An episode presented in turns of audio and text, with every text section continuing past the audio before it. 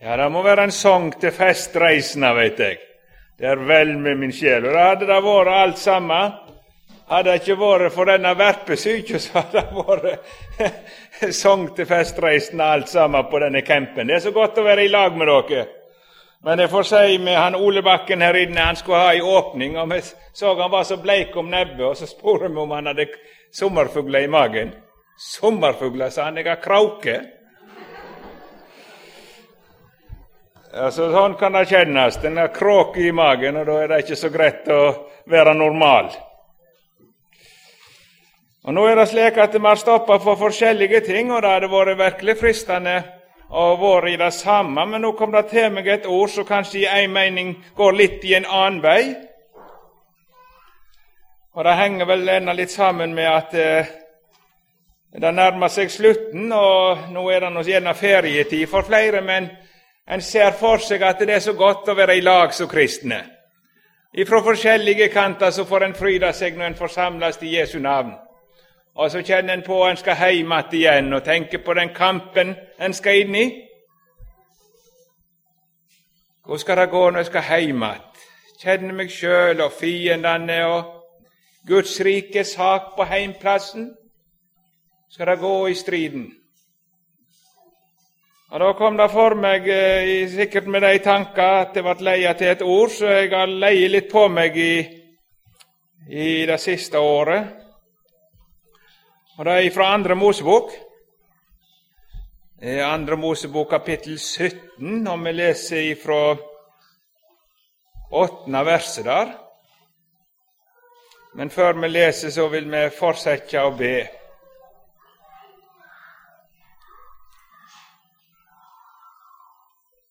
Kjære Herre Jesus. Takk for alle som har på himmelveien og hører deg til. Og nå veit du, Herre Jesus, vi er i en strid. Og vi ber deg for hver eneste en av oss at vi må bli stående i striden og stående etter å ha overvunnet alt og få gå inn til de evige hviler og at ditt rike kan ha framgang iblant oss, Herre Jesus. Så ber vi deg om Din Hellige Ånd, at du sjøl vil tale til vårt hjerte ved ditt ord. Godt å tenke, tale, gjøre, dertil må Din Ånd oss føre. Og vi ber deg om Din Hellige Ånd. Amen.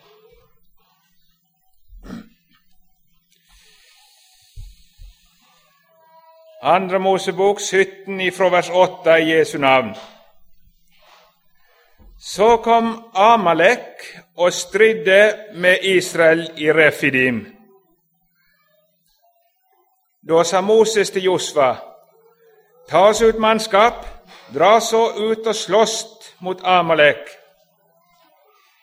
I morgen vil jeg stå øverst på haugen med Guds stav i handa.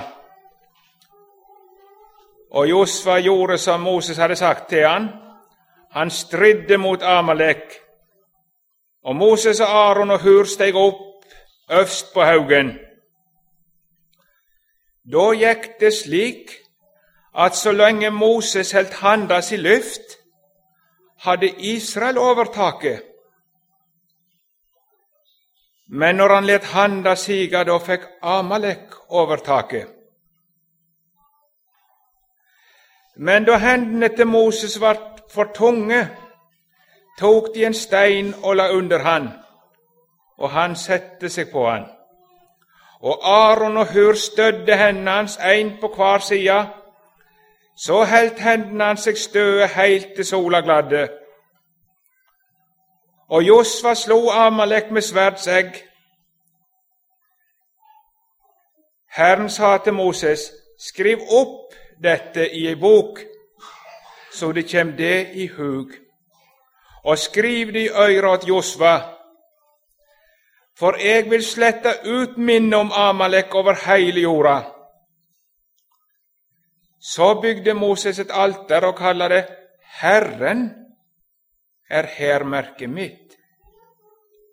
Og han sa, Ei hand er rett ut fra Herrens trone. Herren skal stri mot Amalek fra ett til ett. Amen. Ja, eh, dette er jo henta ifra ørkenvandringen til Israel. Og det er jo alltid vært brukt og er meint som bilde på den kristne vandringen. Israel er fridd ut ifra Egypt med Herrens veldige hånd. Og det var ikke nådig fordi de var kua til gagns. De var så kua at når Herren kom med budskap om at de skulle få reise ut, så sa de 'La oss være i fred, det nytter ingenting'. Men har Herren sagt noe, så veit han å stå ved det. Så en dag går han gjennom Egypt eller dom, og folket skunda på for å få Israel ut. Og de går ut, så sier Herra. Men så veit jeg hvordan det gikk. Det gikk ikke lenge før farao igjen forherda sitt hjerte og sette etter de. Og så står de en dag ved Rødehavets bredd. Ingen veier å gå. Og fienden i fullt jag etter de, og trur det er slutten. Og så veit jeg hvordan det gikk.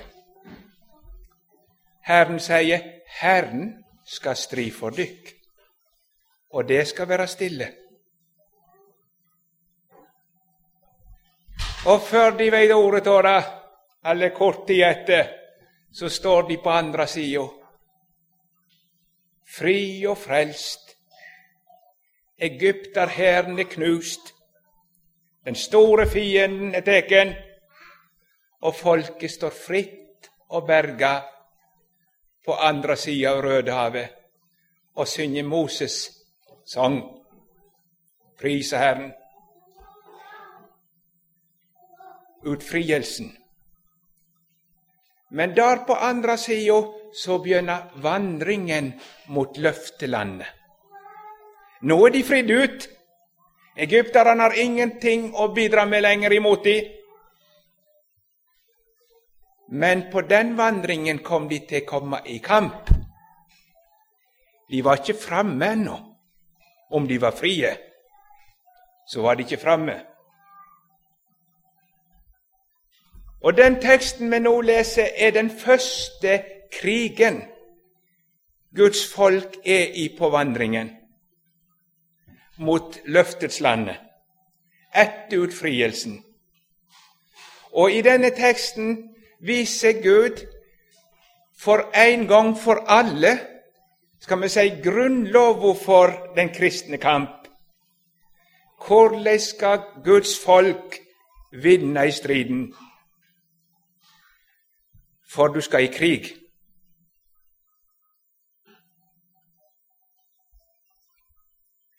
Vi har lært at det er tre hovedfiender.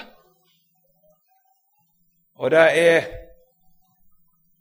djevelen med sin ånde her. Var Per Nordsletten begynte en tale sånn. Eh, han så folket, og så sier han til dem at det, det er gjort kjent for meg at det kommer en inn i den salen som har til hensikt å ta livet av oss.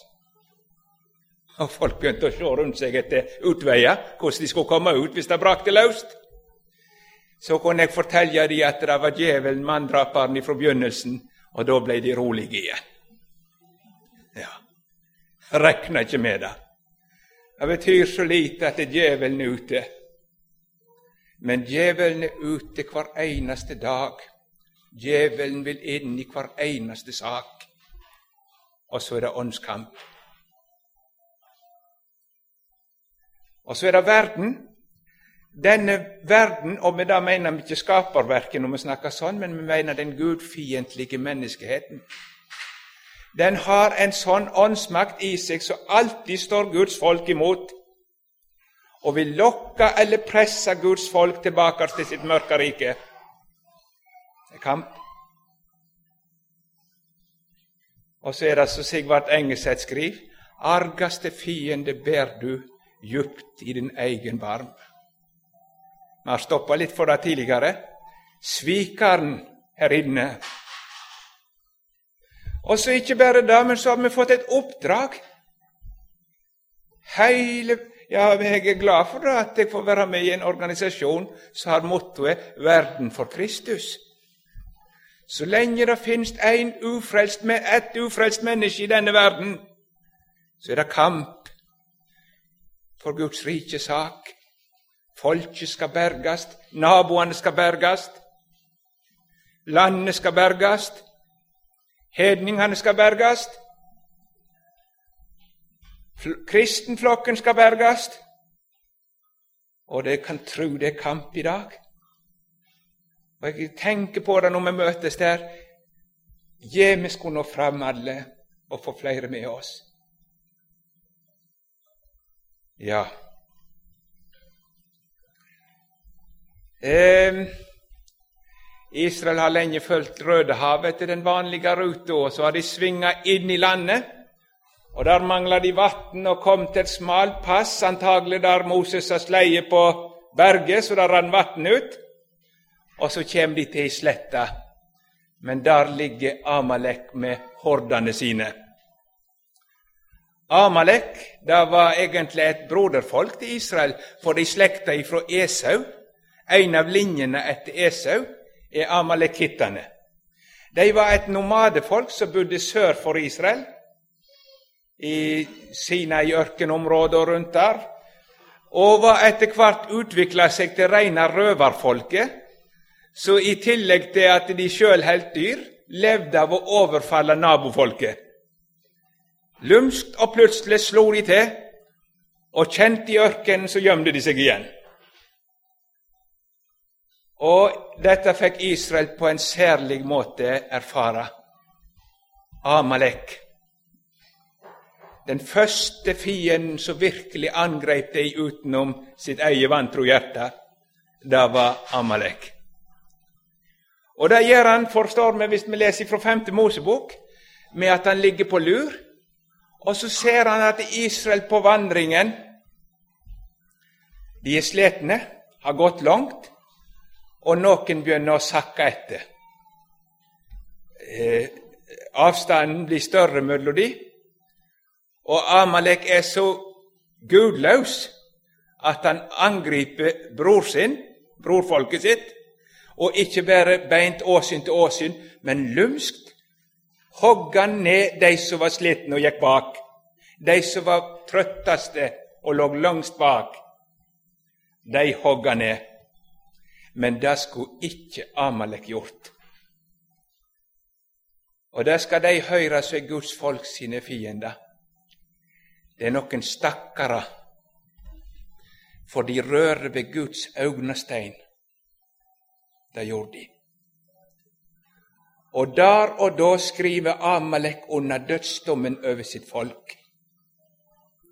De skulle ikke angrepe Guds folk. Og Det kan vi tenke på når det gjelder Israel, Guds gamle paktsfolk.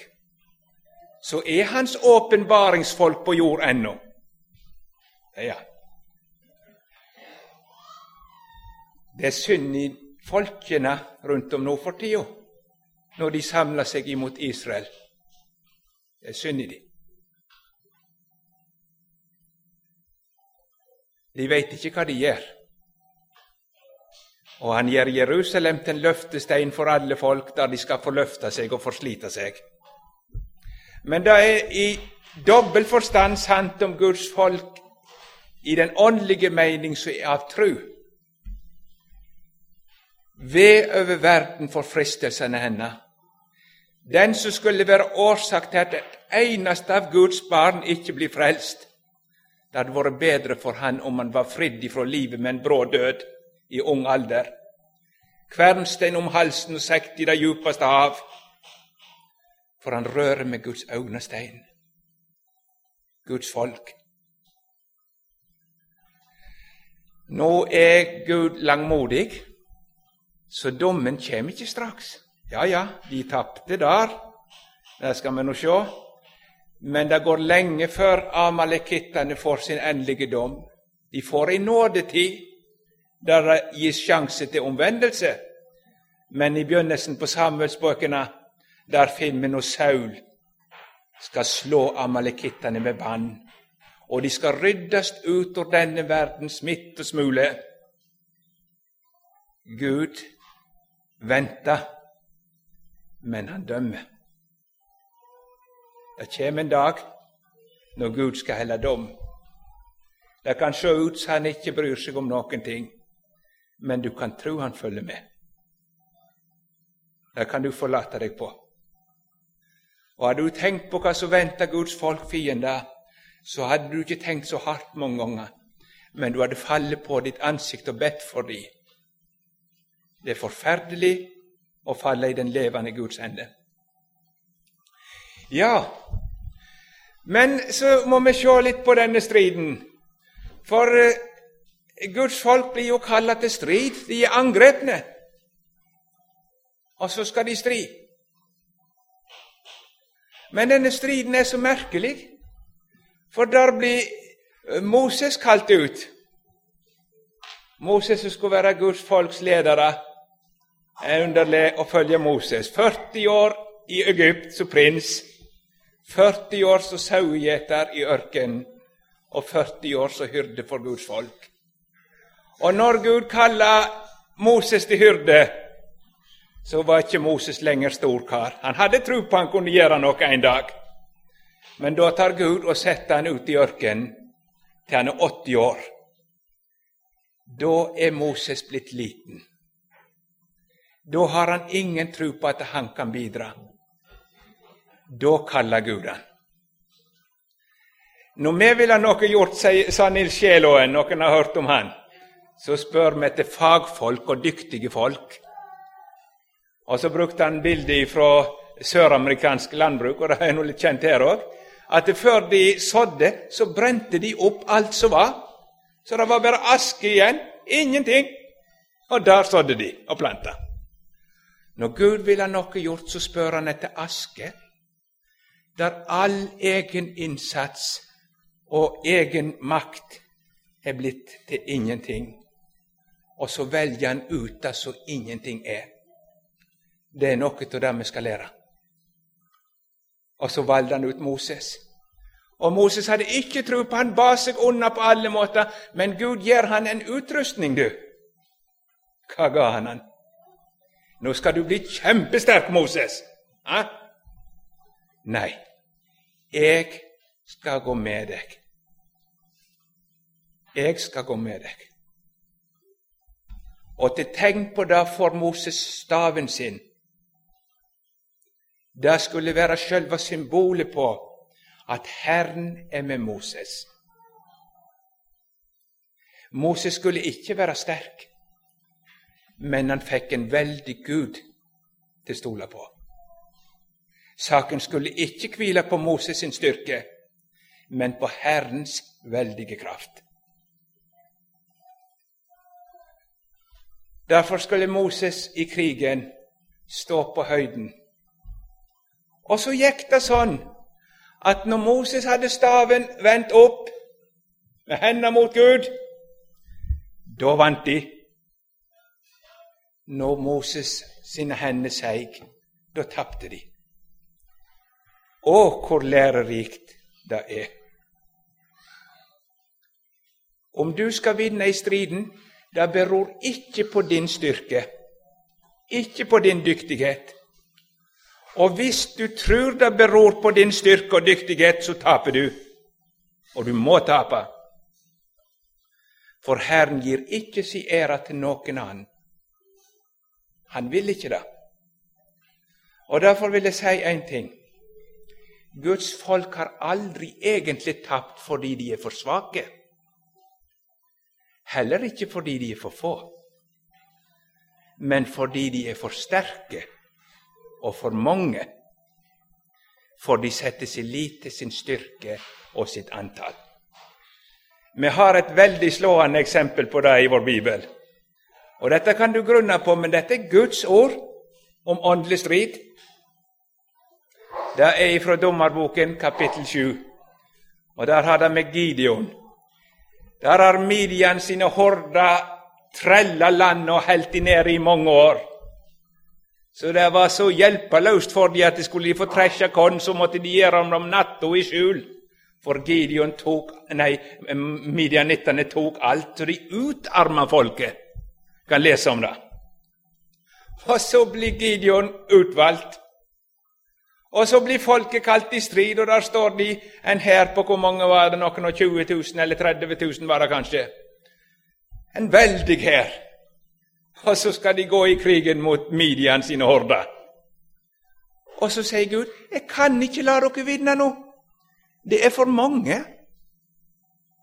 Har du hørt? Er det det som er vanskelig? Ja, for hvis jeg gir dere seier nå, så vil de rose dere mot meg og si 'Vi vant'. Og her er mye både for den enkelte sitt kristenliv og for det som med menighetsvekst i våre dager. Gud kan ikke gi oss seier hvis vi setter vår lite opplegget vårt eller metodene våre. Kan ikke. Eller fordi vi har dyktige folk. Og så er det så mye som står i veien for Gud, så han kan ikke gi seier. For det er én ting med Guds råd. Han har utvalgt seg det så ingenting er, for å gjøre det som er noe til skamme. Det skal Gud, og det vil Gud. Alt på jord så er noe, skal bli gjort til skamme. Så den som roser seg, skal rose seg aleine i Herren. Ett feste, ett trygt punkt, én tilflukt. Min Gud, min frelses Gud. Ikke oss, men Gud. Det er for mange. Og så sendte han hjem alle som var redde, og så står han igjen med 10 000. Ja, da så det mye bedrøveligere ut, for midjene var mange. Det er for mange ennå. 10 000 mann, han kunne ikke gi dem seier. Og så skal de ned til bekken, og så er det noen tre, 300 stykker som drikker på den måten at de blir utvalgt, og resten blir sendt hjem. 300 mann! Og de får ikke våpen ennå engang. Bare en fakkel og ei krukke. De har jo ikke mulighet. Men da seirer de, for da har de likevel én ting. Vi kjem imot deg, ikke i vårt navn, men i vår Guds navn. Så skal Midian møte ikke et sterkt folk, men en veldig Gud. Det er noe annet. Og mot den veldige Gud så ble de litt på lette, Midian. Og så går Israel hjem igjen med den forvissning i sitt hjerte. Makt og ære seieren og alt tilhører vår Gud. Han aleine har æra. Sånn har Gud vilja det. Nå kan du tenke, og nå tenker jeg på flere ting Jeg tenker på situasjonene i bygdene våre rundt om. Hva gjør folk når de syns det blir vanskelig i byene? Og Guds rike må gå fram. Hva skal vi gjøre? Hva skal vi gjøre? Og kan tro Gud følger med. Hva skal vi gjøre? Og så har en så mange ting en kan gjøre. Og så er det så Gud i himmelen må si ja, ja, det får drive på. For det har jo metodene. Og så går han til noen som har bruk for han. Men så er det noen som kanskje står fast. Og da skal du ikke bli forsagt og motløs. Du har ingen vei. Ja, men det er veien, folk, at du ingen vei har. For du har en Gud i himmelen.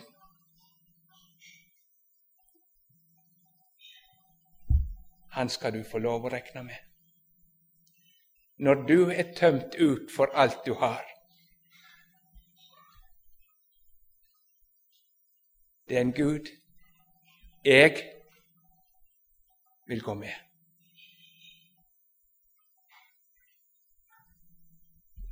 Og Derfor var det styrken i vekkelstidene ikke at de fant på de rette veiene, men de falt for Gud og ropte på Han, og Gud visste sjøl hva Han ville gjøre.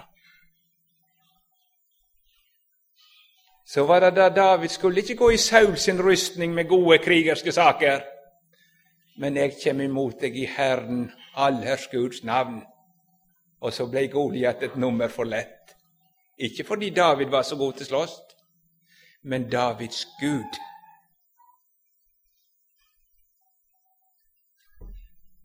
Og nå er det noen som eh, begynner å ane, kanskje hvis du er lite grann våken, at det kanskje vi er inne i endetida. Da frafallet skal bli stort. Da kjærligheten skal kolne hos de fleste. Og omsider Antikrist skal reise seg på trona og føre krig imot de hellige, og den store trengsel å bryte inn over vår vær. Og så begynner du å skjelve. Jeg, hvor skal jeg stå? Jeg er så redd for framtida. Da skal jeg si deg én ting. Du blir ikke stående fordi du er sterk. Og du kommer ikke til å falle fordi du er svak. Det ligger nemlig en annen plass. Jeg kom til å tenke på en sang av Brorson. Brorson er forunderlig. Eh, det må jeg si at det, eh, må det tygge på. Og Det er en som heter den tro som Jesus favner og hjerterenser kan. Den tro oss ikke er sterk i seg sjøl, men griper om den veldige Jesus. Har hele Jesus. Og da er trua sterk. Men der står det en kamp, noe om kampen. Det er oss en sak å merke til trøst i kampens tid. De svake, de blir sterke i aller største strid. Jo verre det går til, jo vissere vi vinner, jo større kraft vi finner når vi blott strider vil. Ja, for hva er det som skjer med de svake og hjelpeløse? Jo, vi har, I seg sjøl er det jo ikke svakheten som berger oss. Det må ikke du tro. Jeg har ikke sånn ydmykhetsteologi så da at det, det er svakheten som berger oss. Men svakheten, hjelpeløsheten, er Guds mulighet i vår liv. Og så står det om menigheten i Filadelfia. Jeg har sett framfor deg i åpne dør, og ingen kan lukke henne att. Hvorfor? For du har liten styrke, for det første. Ja, Men var det ikke bedre om han hadde stor styrke? Nei. For hva gjorde de i Filadelfia når de hadde liten styrke? De hadde ikke noe å støtte seg til hos seg sjøl. Og derfor var det én ting. Jesus, du har lovt oss noe. Du, Jesus, har lovt. Og så klynger de seg til det Jesus hadde lovt. Du har tatt vare på mitt ord og ikke fornekta mitt navn. For hva er det store ord om vår frelse? Herren skal stri for dykk. Eller så det står en annen plass dette er ikke dykkers strid, men Guds. Når Herren tok på seg vår frelse, så sto det ikke på meg, men han ville sjøl begynne, og han ville sjøl fullføre. Lukkelig den som får tak i det. Du skal få lov å klynge deg til. Jeg har noe er større enn antikristfolk. Ikke min egen tålmodighet, men jeg har Krist så skal det være Guds folks utrustning i krigen. Herren. Nå blir dette vanlig utlagt om bønn, og jeg er ikke direkte uenig, men jeg tror en hopper over noe. For da at han løfter staven mot Gud, er ikke først og fremst bønn. Det fører til bønn.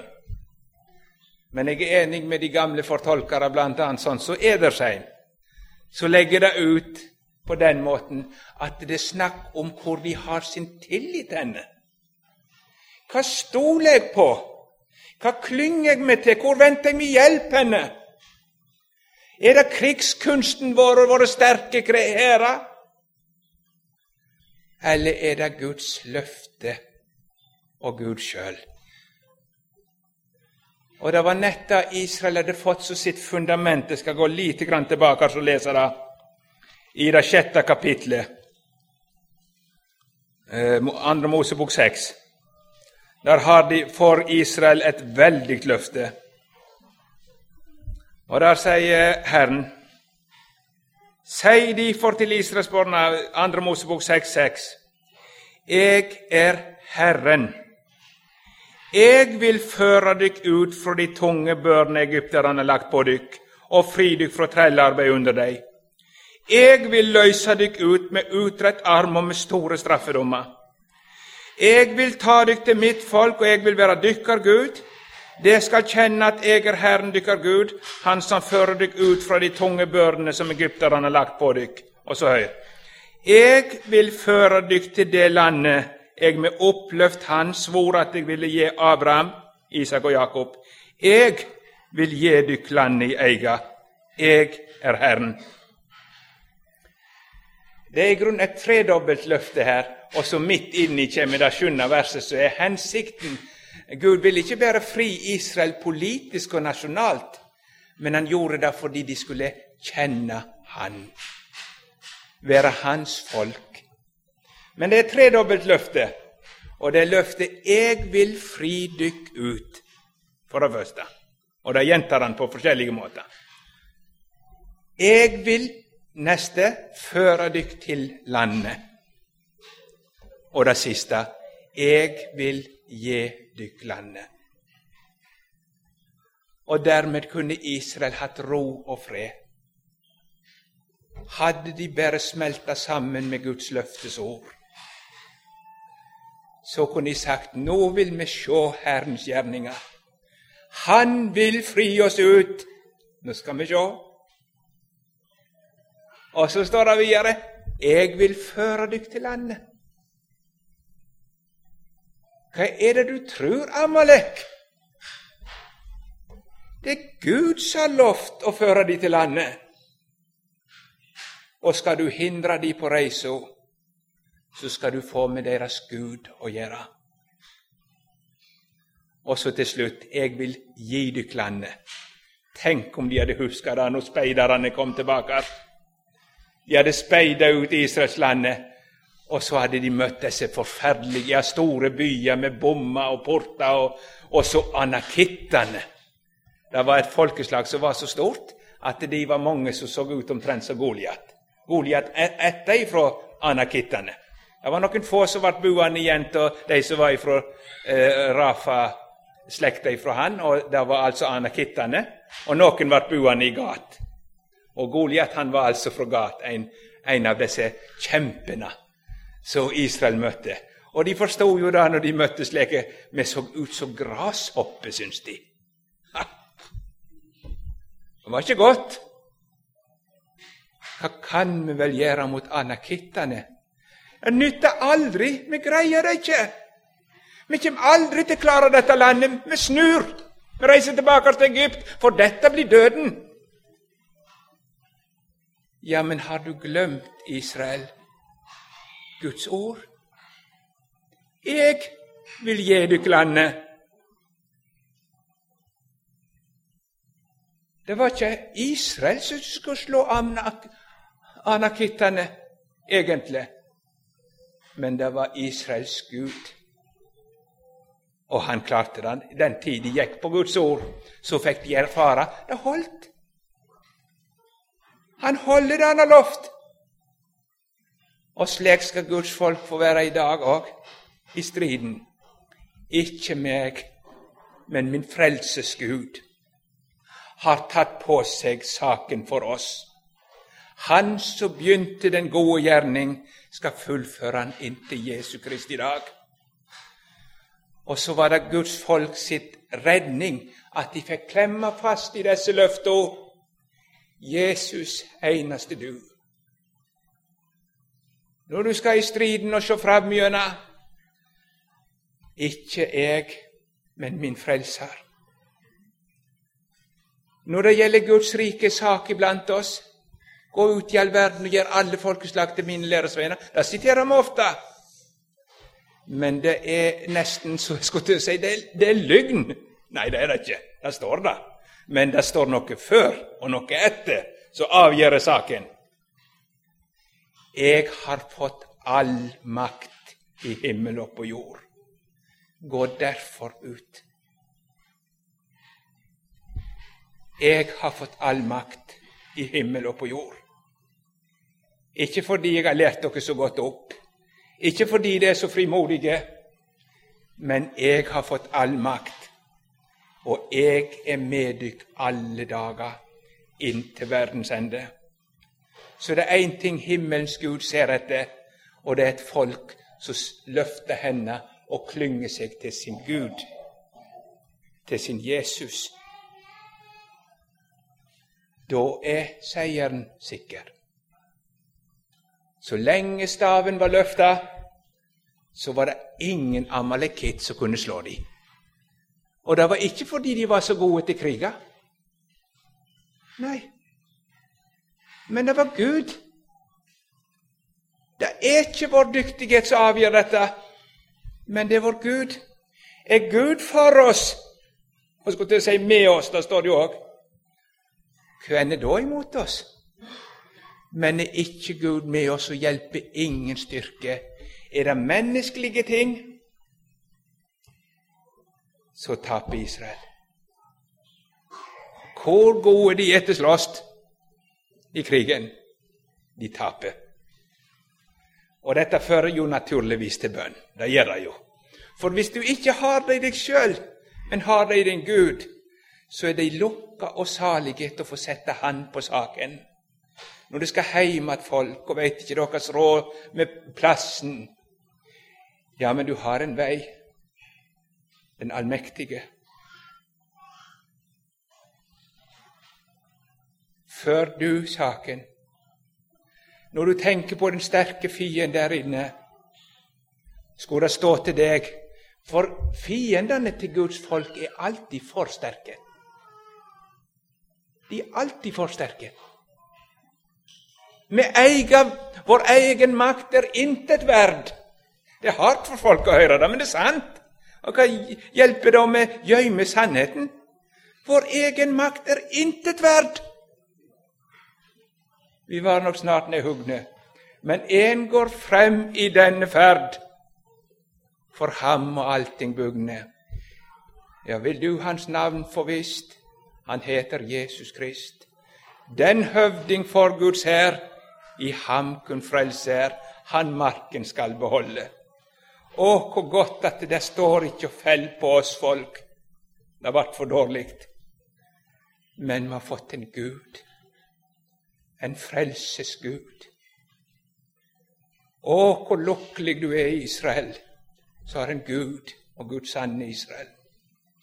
En frelsesgud så kan det komme hvor mange djevler som kommer vil. Om verden full av djevler var som ville oss og sluke. Vi frykter ei. Vi med oss har Han som Guds sverd kan bruke. Er verdens fyrste vred og vil å støte ned, han ingenting formår, fordi alt dømt han går. Et Guds ord kan han felle. Satan har tapt for Jesus folk. Han er avvæpna. Det er en som har seira for oss, og så skal vi få gripe tak i seierherren, så vognene i lokomotivet, og så dreg han oss igjennom og inn i Guds rike. Ja, lukkelige folk det ser ikke så rart ut rundt om nå. Tenk før i tida. Det var flere forkynnere i Indre Luster enn det i hele Region Vest. En kan bli så mismodig. Og det er ikke bare det, men de forkynnerne ser de snakker så mange andre ting mange ganger, kan en tenke. Hva skal det gå? Jeg har én ting igjen. Jesus er ennå den samme. Ja, de må ikke glemme Jesus, folk. Og midt i den store trengselen så holder han folk i live, og fører en skare så ingen kan telje ut fra alle folkeslag. Ja, så det er ikke slutt med Jesus, folk. Og en dag skal han stå der hjemme. Nå har jeg fullført det verket du kalte meg til Fader. Her er jeg og de båndene som Gud har gitt meg. De greide ikke seire, men de klyngde seg til meg. Og nå har jeg ført de fram. Her er de. Ingen kunne stoppe de. Jeg holdt det jeg lovde deg, Fader. Jeg holdt det jeg lovde deg, og her er de. Her er de. Nå er de framme. Så til lukka i striden, Guds folk. Jesus er ennå den samme. Så har du et feste for, i striden. Og så trenger du si Det er ikke så farlig om jeg, jeg er så redd for at jeg ikke skal holde ut, ikke sant? Ja, men hvordan blir jeg utholdende? Jeg kunne hatt Jeg passer nå endre. Kan jeg ta et, et ord til meg for det? De har klagd på meg, jeg preker så lenge, og det er grunn til, vet du. Men det var dette ordet i Philadelphia, der står det noe annet like etterpå. Og der står det 'fordi du har tatt vare på mitt ord om tålmodighet'. Ja, for i det tiende verset i det tredje kapittelet i Johannes' åpenbaring fordi du har holdt fast på mitt ord om tålmod, vil jeg fri deg ut fra prøvingstimen som skal komme over hele verden, for å prøve de som bor på jorda. Her står det hvem som skal bli frelst gjennom jordens prøvelser. Det står ikke at de skal slippe prøvelsen, men de skal komme frelst ut. Fordi du har tatt vare på mitt ord om tålmodighet. Tålmodighet.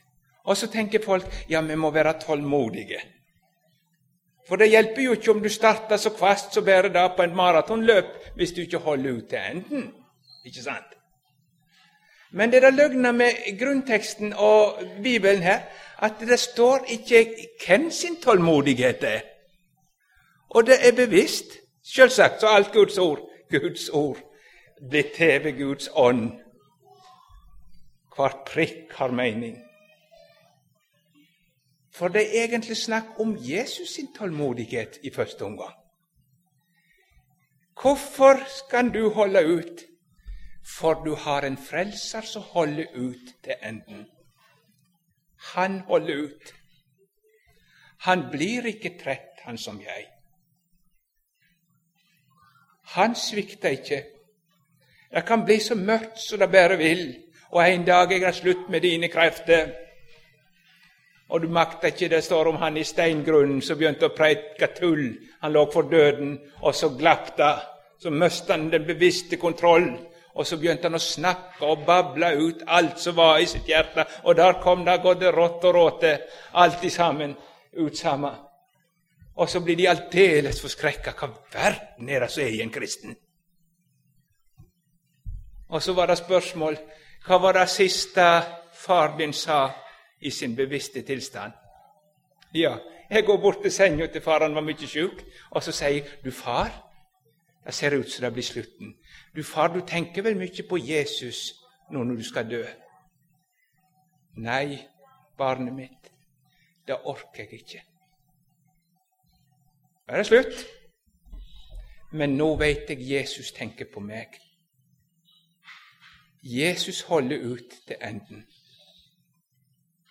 Og da blir du utholdende, for du skal få lov å klynge deg til Han som holder ut i din kamp og strid. Så trenger du aldri gi opp, for Jesus holder ut. Og så fører han meg frelst over fjorden, helt fram til det himmelske land, helt til Jesus er hjemme med meg. Så den veien